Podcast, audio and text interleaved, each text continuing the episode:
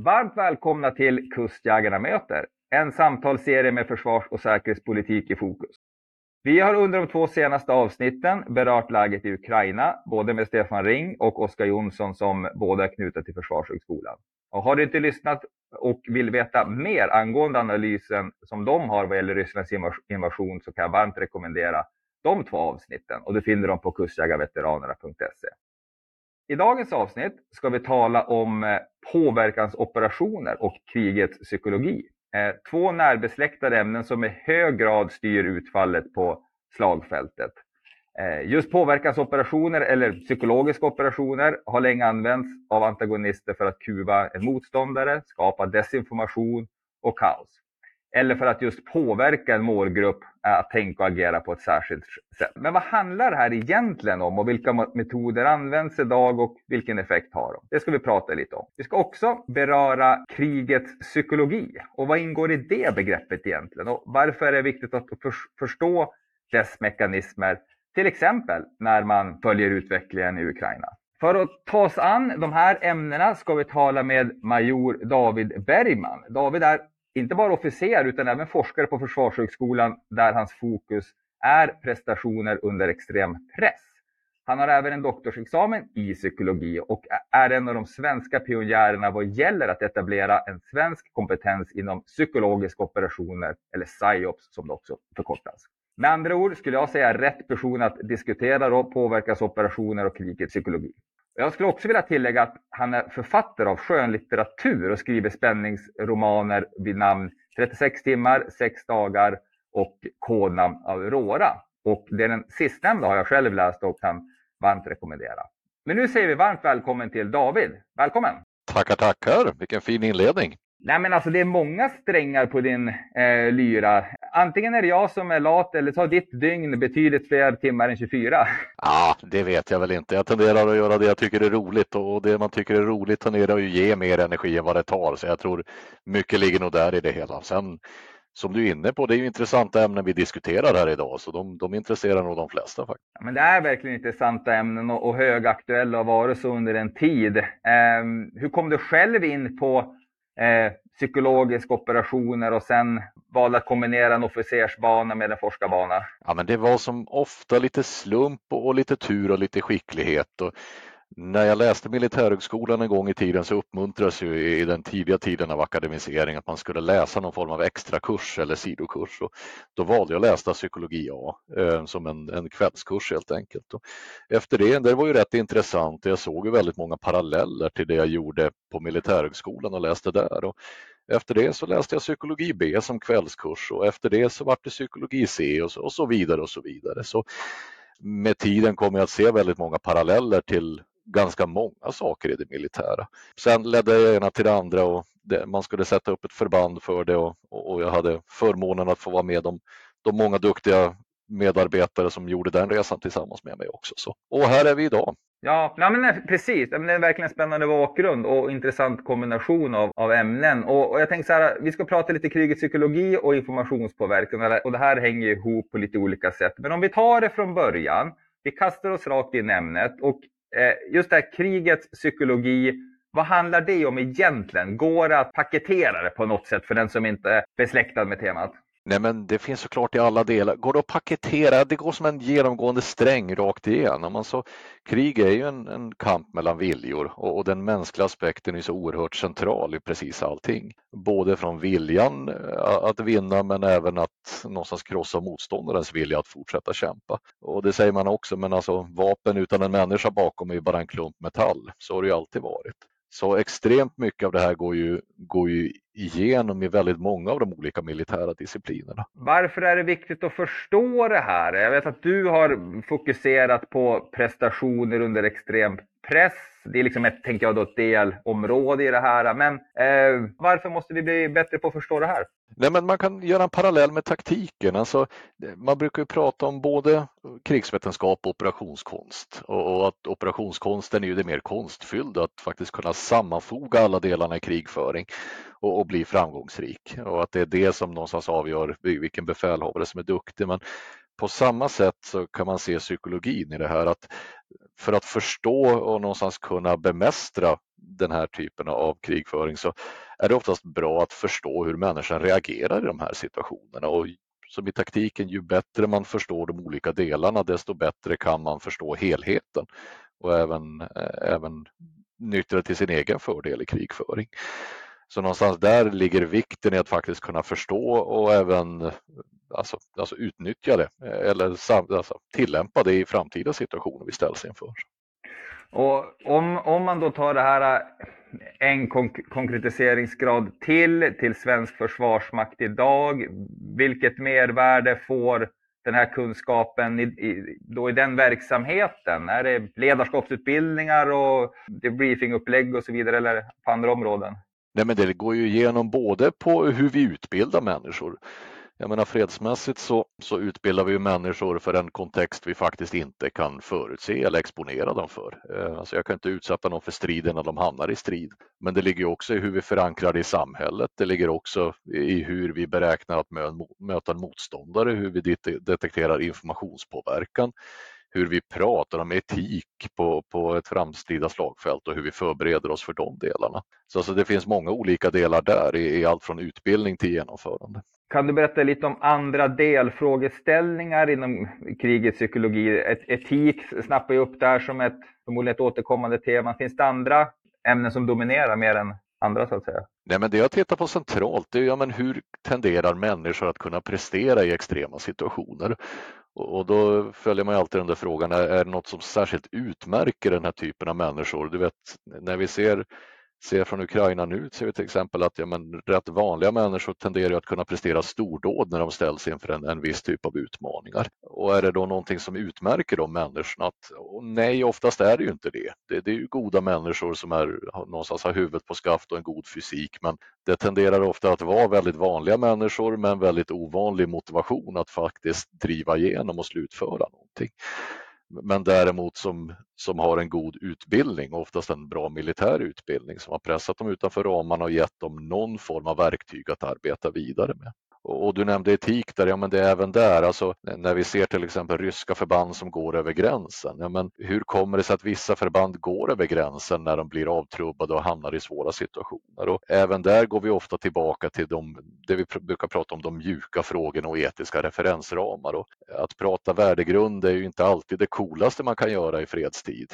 Ibland är det ju sånt man skämtar om, men att kunna diskutera och ha den typen av värden i organisationen också blir ju oerhört centralt för att kunna sen ha någon form av verktyg och ramverk för att möta de mest extrema situationerna. Stress, bristande information, etiska dilemman eh, är, är, faktorer som, som är ofta förekommande i krig och som på något sätt utgör den, den miljön många soldater möter. Forskningen eh, så, som du har bedrivit den och där du har läst i ämnet, ger det något svar på om det går att förbereda sig för det här? Eller är, är man bara den situationen, går det att förbereda sig? Nej men visst går det det. Oh, ja. alltså, man måste ju vara på det hela med att alltså en krigssituation ställer ju o, alltså nästan orimliga krav på en människa. Det, det, finns få situationer och kontexter som är mer påfrestande men vi ser också rakt igenom att, att eh, människor tenderar kunna prestera extremt mycket när de väl ställs inför de, de situationerna någonstans när, när, vi står inför valet så kommer människor oftast att, att möta de, de oerhörda kraven. Sen kommer ju alltid den där frågan, kan man förbereda sig? Ja, absolut. Det är ju gamla Stenmark-analogin. Ja, men, eh, jo, visst var det väl tur, men ju mer jag tränar desto mer tur har jag. Så självklart är det ju det. Det understryker någonstans alltid vikten av att, att aldrig sluta träna eller vara nöjd och att vi aldrig ska tumma på grundkrav eller aldrig ska förkorta utbildningar eller någonstans trycka igenom människor för snabbt igenom det, utan Snarare tvärtom. Eh, det, det finns oftast en specificitetsprincip i det där från, från idrotten att ja, men ju mer vi tränar på någonting desto duktigare blir vi i det såklart. Sen eh, du frågar om erfarenheter. Att, jo, men oftast blir det ju lite, det blir oftast fallstudier. Det, det är svårt att bedriva eh, exakt forskning som man gör i medicinska fall till exempel i krigsmiljöer i och med att det är en sån extrem miljö. En del av min forskning har ju varit just i de, de extrema situationerna men även där är det svårt för forskare att få en exakt tillgång till den extrema miljön eller att kunna göra randomiserade eh, försök med, med placebo och så vidare. Det, det, det, kan vi bara skratta åt men vi kan ju forska i det så gott det bara går. Och den typen av extrema forskning som vi faktiskt gör där har ju oftast banat väg för för lärdomar inom andra områden. Alltså till exempel gruppprocesser. Hur det fungerade under Koreakriget ledde ju fram till hur vi ser på gruppprocesser än idag. Eller diagnoser som PTSD och hur man be behandlar traumatologiska åkommor. Ja, men även det har ju sin grund i, i militär forskning efter Vietnam men har banat väg för väldigt mycket annan forskning inom brottsoffer, de som är utsatta för katastrofer, de som är utsatta för rån, våldtäkt och så vidare. Så i många fall är det till och med forskningen från de militära kontexterna som har banat väg även inom andra vetenskapliga områden. Så alltså, det är ju inte ett avgränsat område och, och människor är ju människor. Eh, men snarare den, den extrema situationen tenderar att kunna lära oss oerhört mycket. Om vi kollar på kriget i Ukraina kort bara utifrån de här frågeställningarna. Eh, vad går det att säga där om, om om psykologins roll på slagfältet. Vi har redan kunnat se övertramp. Eh, det har rapporterats om det från rysk sida. Är det något som förvånar eller är det är det snarare tyvärr en självklarhet i den här typen av extrema miljöer? Både och ska jag säga. Alltså, som du säger, tyvärr är det ju en självklarhet. Alltså, den där myten om det gentlemannamässiga kriget, att vi daskar varandra med en vit handske och säger en garde och så duellerar vi gentlemannamässigt till en ger upp eller är besegrad och sen saluterar varandra och går hem. Så går det ju inte till, det vet vi ju. Någonstans genom krigshistorien så har vi konflikter där de som har gett upp eller besegrats har behandlats mer eller mindre humant. Och vi har ju även konventioner som säger att de ska behandlas humant. Däremot så tar inte det bort någonstans att krigföring är oerhört mycket våldsutövning. Och i de kontexterna, det är inte onaturligt att människor går över gränsen och att övertramp sker. Det, det, kommer att ske. Det vi kan göra med utbildning och träning är att ha en bra sammanhållning i förbanden, ha en god etisk grund till varför vi gör saker och ha gott ledarskap. Ja, men det är ju att minimera den förekomsten att, att folk går över gränsen. Så att det sker övertramp från, från en sida, men det är jag inte. Jag, jag säger inte att det är rätt, men jag är inte förvånad över det. Sen så ser vi från den ryska sidan ett nästan ett systematiskt övergrepp på vissa fall. Eh, som vi ser i Butja med, med, helt eh, horribla scener där man har gått över gränsen, inte bara mot ukrainska soldater utan framförallt mot civilbefolkningen. Och där har väl, det är inte första gången vi ser det heller, alltså Tjetjenien, Georgien, det har funnits fler exempel och den ryska armén har ofta varit anklagad för just det. Men jag ska ärligt säga att omfattningen här har förvånat mig. Jag, jag trodde de hade kommit längre. Men även där så ser vi lite brister i, i både hur organisationen är uppbyggd. Alltså den ryska armén har ju varit ganska, ganska auktoritär. Alltså organisationskulturen har varit allt annat än sund, minst sagt. Alltså, man har ju länge haft en värnplikt där man har behandlat de nyryckta riktigt hemskt. Alltså de som är de senare års värnpliktiga har ju mer eller mindre mobbat och trakasserat de yngre och det har funnits alltså den den mörka formen av grupp, eh, gruppuppfostran och kamratuppfostran som har gjort att de har ju till och med haft skenande problem med självmord eh, redan långt innan nu invasionen av Ukraina utan historiskt. Då. man märker ju väldigt tydligt att det är en organisation där man inte mår bra utan tvärtom, man behandlar inte varandra väl ens inom organisationen och då faller det på sin egen rimlighet att med en sån organisationskultur, ja men då kommer du inte att behandla utomstående särskilt bra heller. Så därav vikten att prata just om värdegrund och ett gott ledarskap. Sen har vi ju den övergripande strategiska frågan och det är ju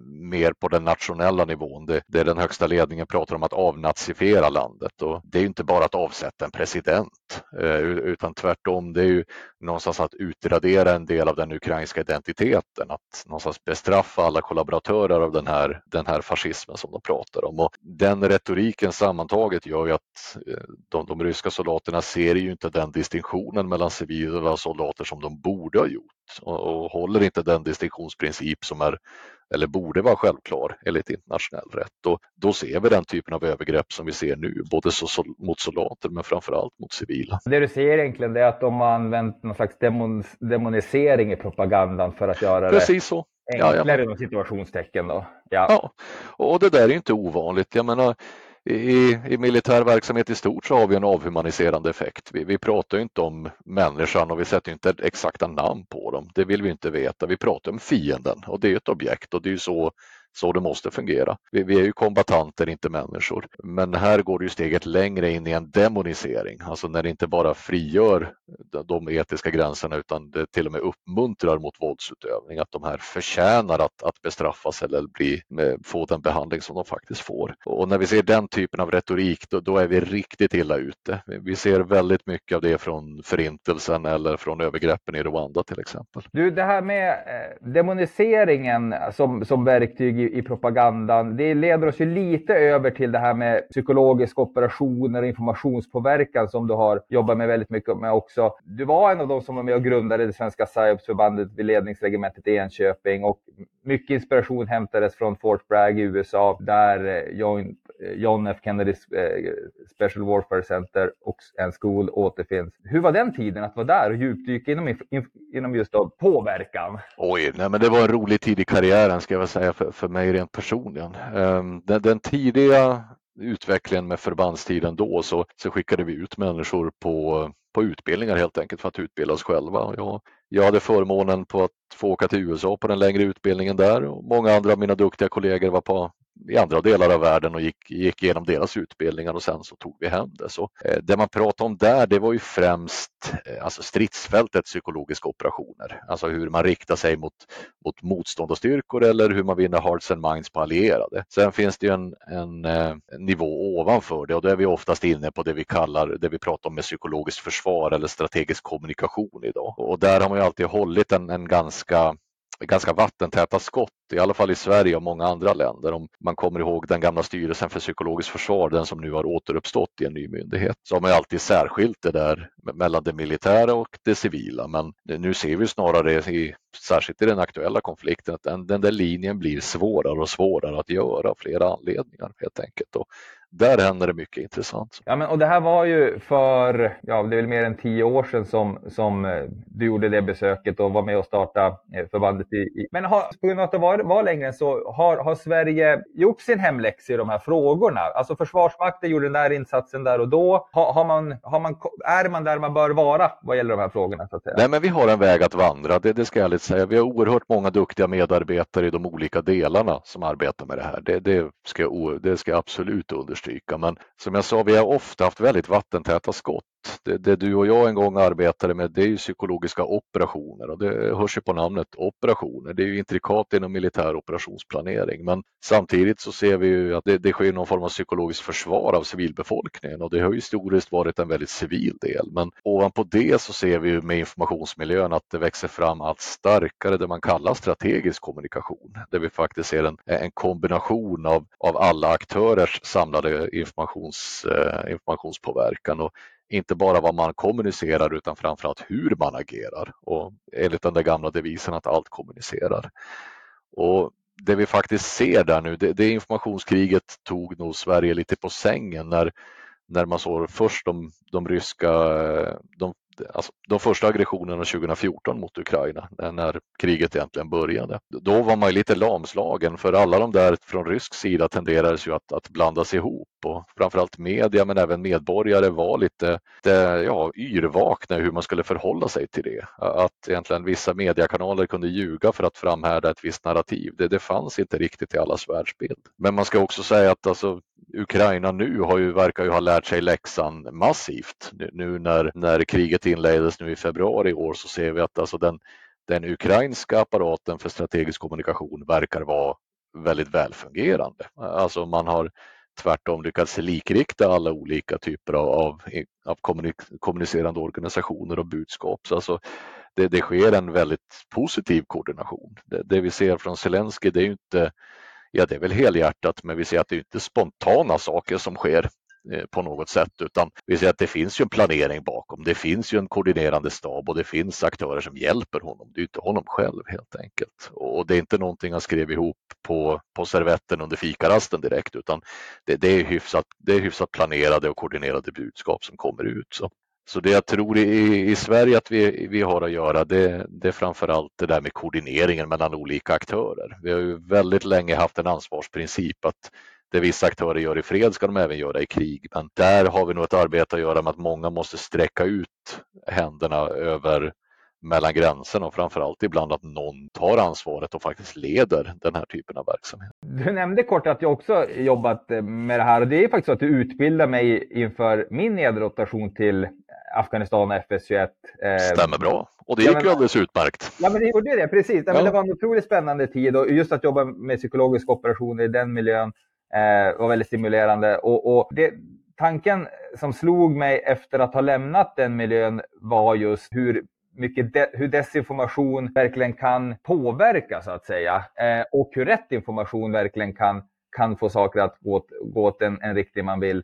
Eh, vilka lärdomar generellt har man dragit från Afghanistan tror du som på det stora hela vad gäller just informationspåverkan och psykologiska operationer? Ja, det var ju en annorlunda insats ska vi säga. Den liknar inte mycket annat vi har gjort. Men jag ska säga, är någon stor lärdom, jag, jag, jag, nu blir det mina rent personliga erfarenheter, men vi gjorde ju så bra saker men ändå så vart det ju det avslut det var. Ja, det, det faktiskt blev och det är nog fler än dig och mig som faktiskt har sett nu tillbakadragningen från Kabul med, med lite sorgsna ögon. Alltså så mycket arbete och ett sådant avslut som var så ovärdigt. Alltså, vart gick det så här fel? Men eh, informationsmässigt så ser man ju någonstans vikten av att det, det vi gjorde jättebra på på en väldigt låg taktisk nivå taktade någonstans inte med den övergripande strategin, eh, infostrategin eller den, den långsiktiga faktiska strategin. Alltså vad är det vi vill uppnå? och Vad är slutmålet med det här? Och där ser man också hur oerhört viktigt det är att allting taktar från en taktisk upp till en operativ och strategisk nivå. För att alltså, har vi inte en ensad syn av vart är det vi ska komma och vad vill vi uppnå med det här? Ja, men dels kommer inte budskapen att vara synkroniserade med varandra, men utan snarare det kommer att spreta men också finns risken av att det ena blir kontraproduktivt. Då, då, då var vi som vi gjorde, vad du och jag gjorde på, på, på fältet. Där det, vi kunde ha gjort det hur bra som helst men det hade nog i, i det mikroperspektivet inte förändrat någonting i den, det större perspektivet, tyvärr. Och här kanske en stor skillnad mot Ukraina där det är synkroniserat på ett helt annat sätt med den strategiska. Där ser vi en, en, helt annan strategi och vi ser en synkronisering från, från högre till lägre nivå. Inte att det saknas förbättringspunkter men en helt annan tydlighet. Då. För Ukraina finns det också den där tydliga målsättningen, men vad är det vi vill uppnå med det här? Alltså de, de slåss ju för sin frihet och överlevnad. Det är ju en, en väldigt tydligare målsättning än vad som fanns för det internationella samfundet i Afghanistan på, på något sätt. Så det är två helt olika konflikter och, och de är på något sätt Ukraina är enklare att förstå och förhålla sig till på väldigt många olika sätt. Men hur skapar vi då motståndskraft om vi tänker på hemmaplan för att, för att bemöta det här? För vi är ju faktiskt utsatta för det också. Desinformation påverkar operationer och det är nog nu inte så stora frågetecken kring vart de kommer så att säga. Men hur blir vi bättre på att hantera den aspekten av det hela? Det men jag skulle säga man, man blir ju konstant bara. Alltså vi, vi ser ju, jag tycker man ser en ganska stor skillnad nu mot från 2014 till nu. Alltså de, de ryska desinformationsdelarna som har funnits där, men de har ju inte fått samma effekt eh, än till de som faktiskt är eh, de som faktiskt är redan frälsta. Alltså tvärtom, nu börjar man ju nästan skratta åt dem och, och göra memes av av dem och bara häckla dem generellt. Så, utan de tar ju propagandamall 1 och har inte riktigt anpassat sig. Men just när det gäller förberedelser så behöver man nog dela upp det där. Jag, jag brukar sammanfatta det just med myndigheter, media och medborgare. Och myndigheter har ju absolut en roll. Alltså som vi pratar om Myndigheten för psykologiskt försvar eller om det är ett militärt förband eller om det är en tredje myndighet eller om det är ett departement som ska, ska ta ledartröjan. Det, där måste man koordinera sig. Den andra delen det är ju någonstans eh, media och någonstans att kunna förhålla förhålla sig till en, en miljö. men sanningen ligger inte alltid någonstans mittemellan. Det, där, där har vi inte alltid varit. Ibland har det funnits en falsk balans som man har därmed gett röst även till ren desinformation eller propaganda som har varit rent, alltså rent falskt och lögnaktig. Och den, den medvetenheten eller den sakkunskapen att kunna kritiskt granska en del av, av de här utspelen i militära sammanhang, den har inte alltid funnits hos, hos eh, mediehusen. Inte alltid heller när man ska, man ska tävla med sociala medier, både i hastighet och, och i någon form av, av konkurrens om, om eh, målgrupperna. Men sen ska vi alltid trycka på det. Ibland är vi snabba att, att spotta på mediehus och på myndigheter, men SIS ska alltid understryka att vi har alltid medborgaren. Alltså vill du vara ett del av ett informationssamhälle så måste du personligen kunna förhålla dig kritiskt till information du ser runt omkring dig. Och det faller ju på sin egen rimlighet. Ska vi lägga hela det ansvaret på myndigheterna, ja men då pratar vi om censur. Och, och det, det, låter ju inte riktigt bra i det land vi lever utan tvärtom, ska jag ha rättigheter att ta del av all information, då har jag även skyldigheter att kritiskt förhålla mig till information. Och då kommer vi in på alla de där diskussionerna om källkritik som blir allt mer, mer varmans, varmans brödföda och undervisas i skolorna såklart. Så. Men jag tycker jag ser, vi ser ju tydliga förbättringar i samtliga. Jag ska inte på något sätt skönmåla det och säga att allt är bra, tvärtom. Men jag, jag tycker mig se väldigt stora skillnader från hur konflikten började i Ukraina 2014 till hur den ser ut nu helt enkelt. Är det viktigt att det här är en militär kompetens, att, att identifiera de här påverkansoperationerna, att stävja dem, eh, att komma med med moteld eller ska det finnas på annat håll inom totalförsvaret också? Finns det, det måste vara en, en helhetssyn. Det, det, kan inte bara vara någonting militärt därför att det är inte bara militära hot. Och faktiskt så var det en gång i tiden, det, det var gamla eh, ÖB Helge Ljung som faktiskt sa det där att men det totala kriget kräver det totala försvaret. Och det var bland det uttalandet man menade att men just det här kan inte bara vara ett militärt ansvar. Sker det påverkan på den civila befolkningen måste det även finnas en civil del som detekterar den här typen av, av av påverkan. Och det var ju så den första beredskapsnämnden för psykologiskt försvar eh, grundades som sen vart styrelsen för psykologiskt försvar. Så det måste absolut finnas båda delarna. Vi, vi, kommer att se väldigt tydliga militära exempel av det här men det kommer också att finnas en väldigt stor civil del. Så vi måste absolut ha båda delarna. Jag ska bara runda av samtalet och det är stora frågor men jag tycker ändå det har varit väldigt informativt att förstå både krigets psykologi, psykologi de övergripande dragen och så sen hur eh, informationspåverkan och psykologiska operationer är, är en, en sammanlänkad del eh, som, som bidrar definitivt vad gäller utfallet på, på slagfältet. Men eh, David Bergman, vad, vad kan Sverige bli bättre på? Förmodligen allting, men vad, vad behöver vara fokus nu framåt, givet det omvärldsläget vi har? Går det, går det att nämna någon prioriteringsordning eller är det allt samtidigt? Ja, det är väl att prioritera allt som vanligt som man säger. Men, nej, men eh, allvarligt talat så tycker jag väl att nu, nu ser vi för första gången på väldigt, väldigt länge en, en positiv trend, inte bara i satsningar på försvaret i ekonomi. Det, det, är inte så jag menar, utan för första gången är det ju eh, alltså vänner inom den civila sfären som naturligt intresserar sig för försvars och säkerhetspolitik och faktiskt frågar den. Och, och anledningen att du och jag spelar in det här, det är väl sannolikt för att det finns folk som faktiskt vill lyssna på det och ta del av den här typen av, av eh, diskussioner som det som har varit naturligt för dig och mig, men inte för, för de externa. Och till det så kommer diskussioner just om, inte bara som källkritik, utan allmänt försvar försvarsvilja och engagemang. Och just hur kan jag på något sätt bidra till att vårt samhälle klarar sig bättre? vi, vi, har ju varit oerhört förskonade och alla ska inte gå med i hemvärnet men hur kan du göra någon insats? Kan man gå med i en resursgrupp eller kan jag hjälpa sjukvården? Kan jag någonstans hjälpa till någon annanstans? Eller ska jag bara hjälpa till i scouterna eller genom skolan och göra produktiva medborgare som kan ta över det här senare? Alltså, den typen av samhällsdebatt tycker jag är, är väldigt givande just nu. Så det, någonstans, jag tycker det är väl vi det vi kan fokusera absolut mest. David, en slut, avslutande fråga. Ditt eget fokus nu vad gäller forskning och, och arbetet inom Försvarsmakten framåt. Vart ligger det? Nej, men det är såklart mycket att göra i försvaret just nu. Eh, vi ska inte gå in på alla delar, men jag, jag arbetar vidare. Jag har inga planer på något annat. Eh, vi fortsätter att utbilda officerare. Vi ökar takten markant för, för hur många vi examinerar ut. Alla yngre förmågor, ni är så välkomna och ni kommer att behövas. Eh, jag har en del forskningsprojekt igång. Jag har en del publikationer just. Den nya boken Stridens psykologi kommer nu i sommar. Jag försöker sammanfatta just mycket av det vi faktiskt har pratat om idag. Allting från urval till utbildning till eh, just eh, informationspåverkan och alla andra delar på ett lättfattligt sätt så att gemene man ska kunna ta del av det. Men eh, omvärldsläget verkar inte lugna ner sig i alla fall den här veckan det, eller i alla fall inom, inom den här horisonten heller. Så ja, jag tror vi har nog vi har nog att göra i framtiden helt enkelt. Ja men verkligen är det så. Och eh, den, den eviga freden som, som vissa trodde skulle inträffa här, den är nog förskjuten ett antal decennier tyvärr framåt. Så att det finns ett jobb att göra, definitivt. David, jättetack för att du tog dig tid. Eh, väldigt intressant att lyssna på dig och stort lycka till med alla åtaganden framöver. Tackar, roligt att få vara med.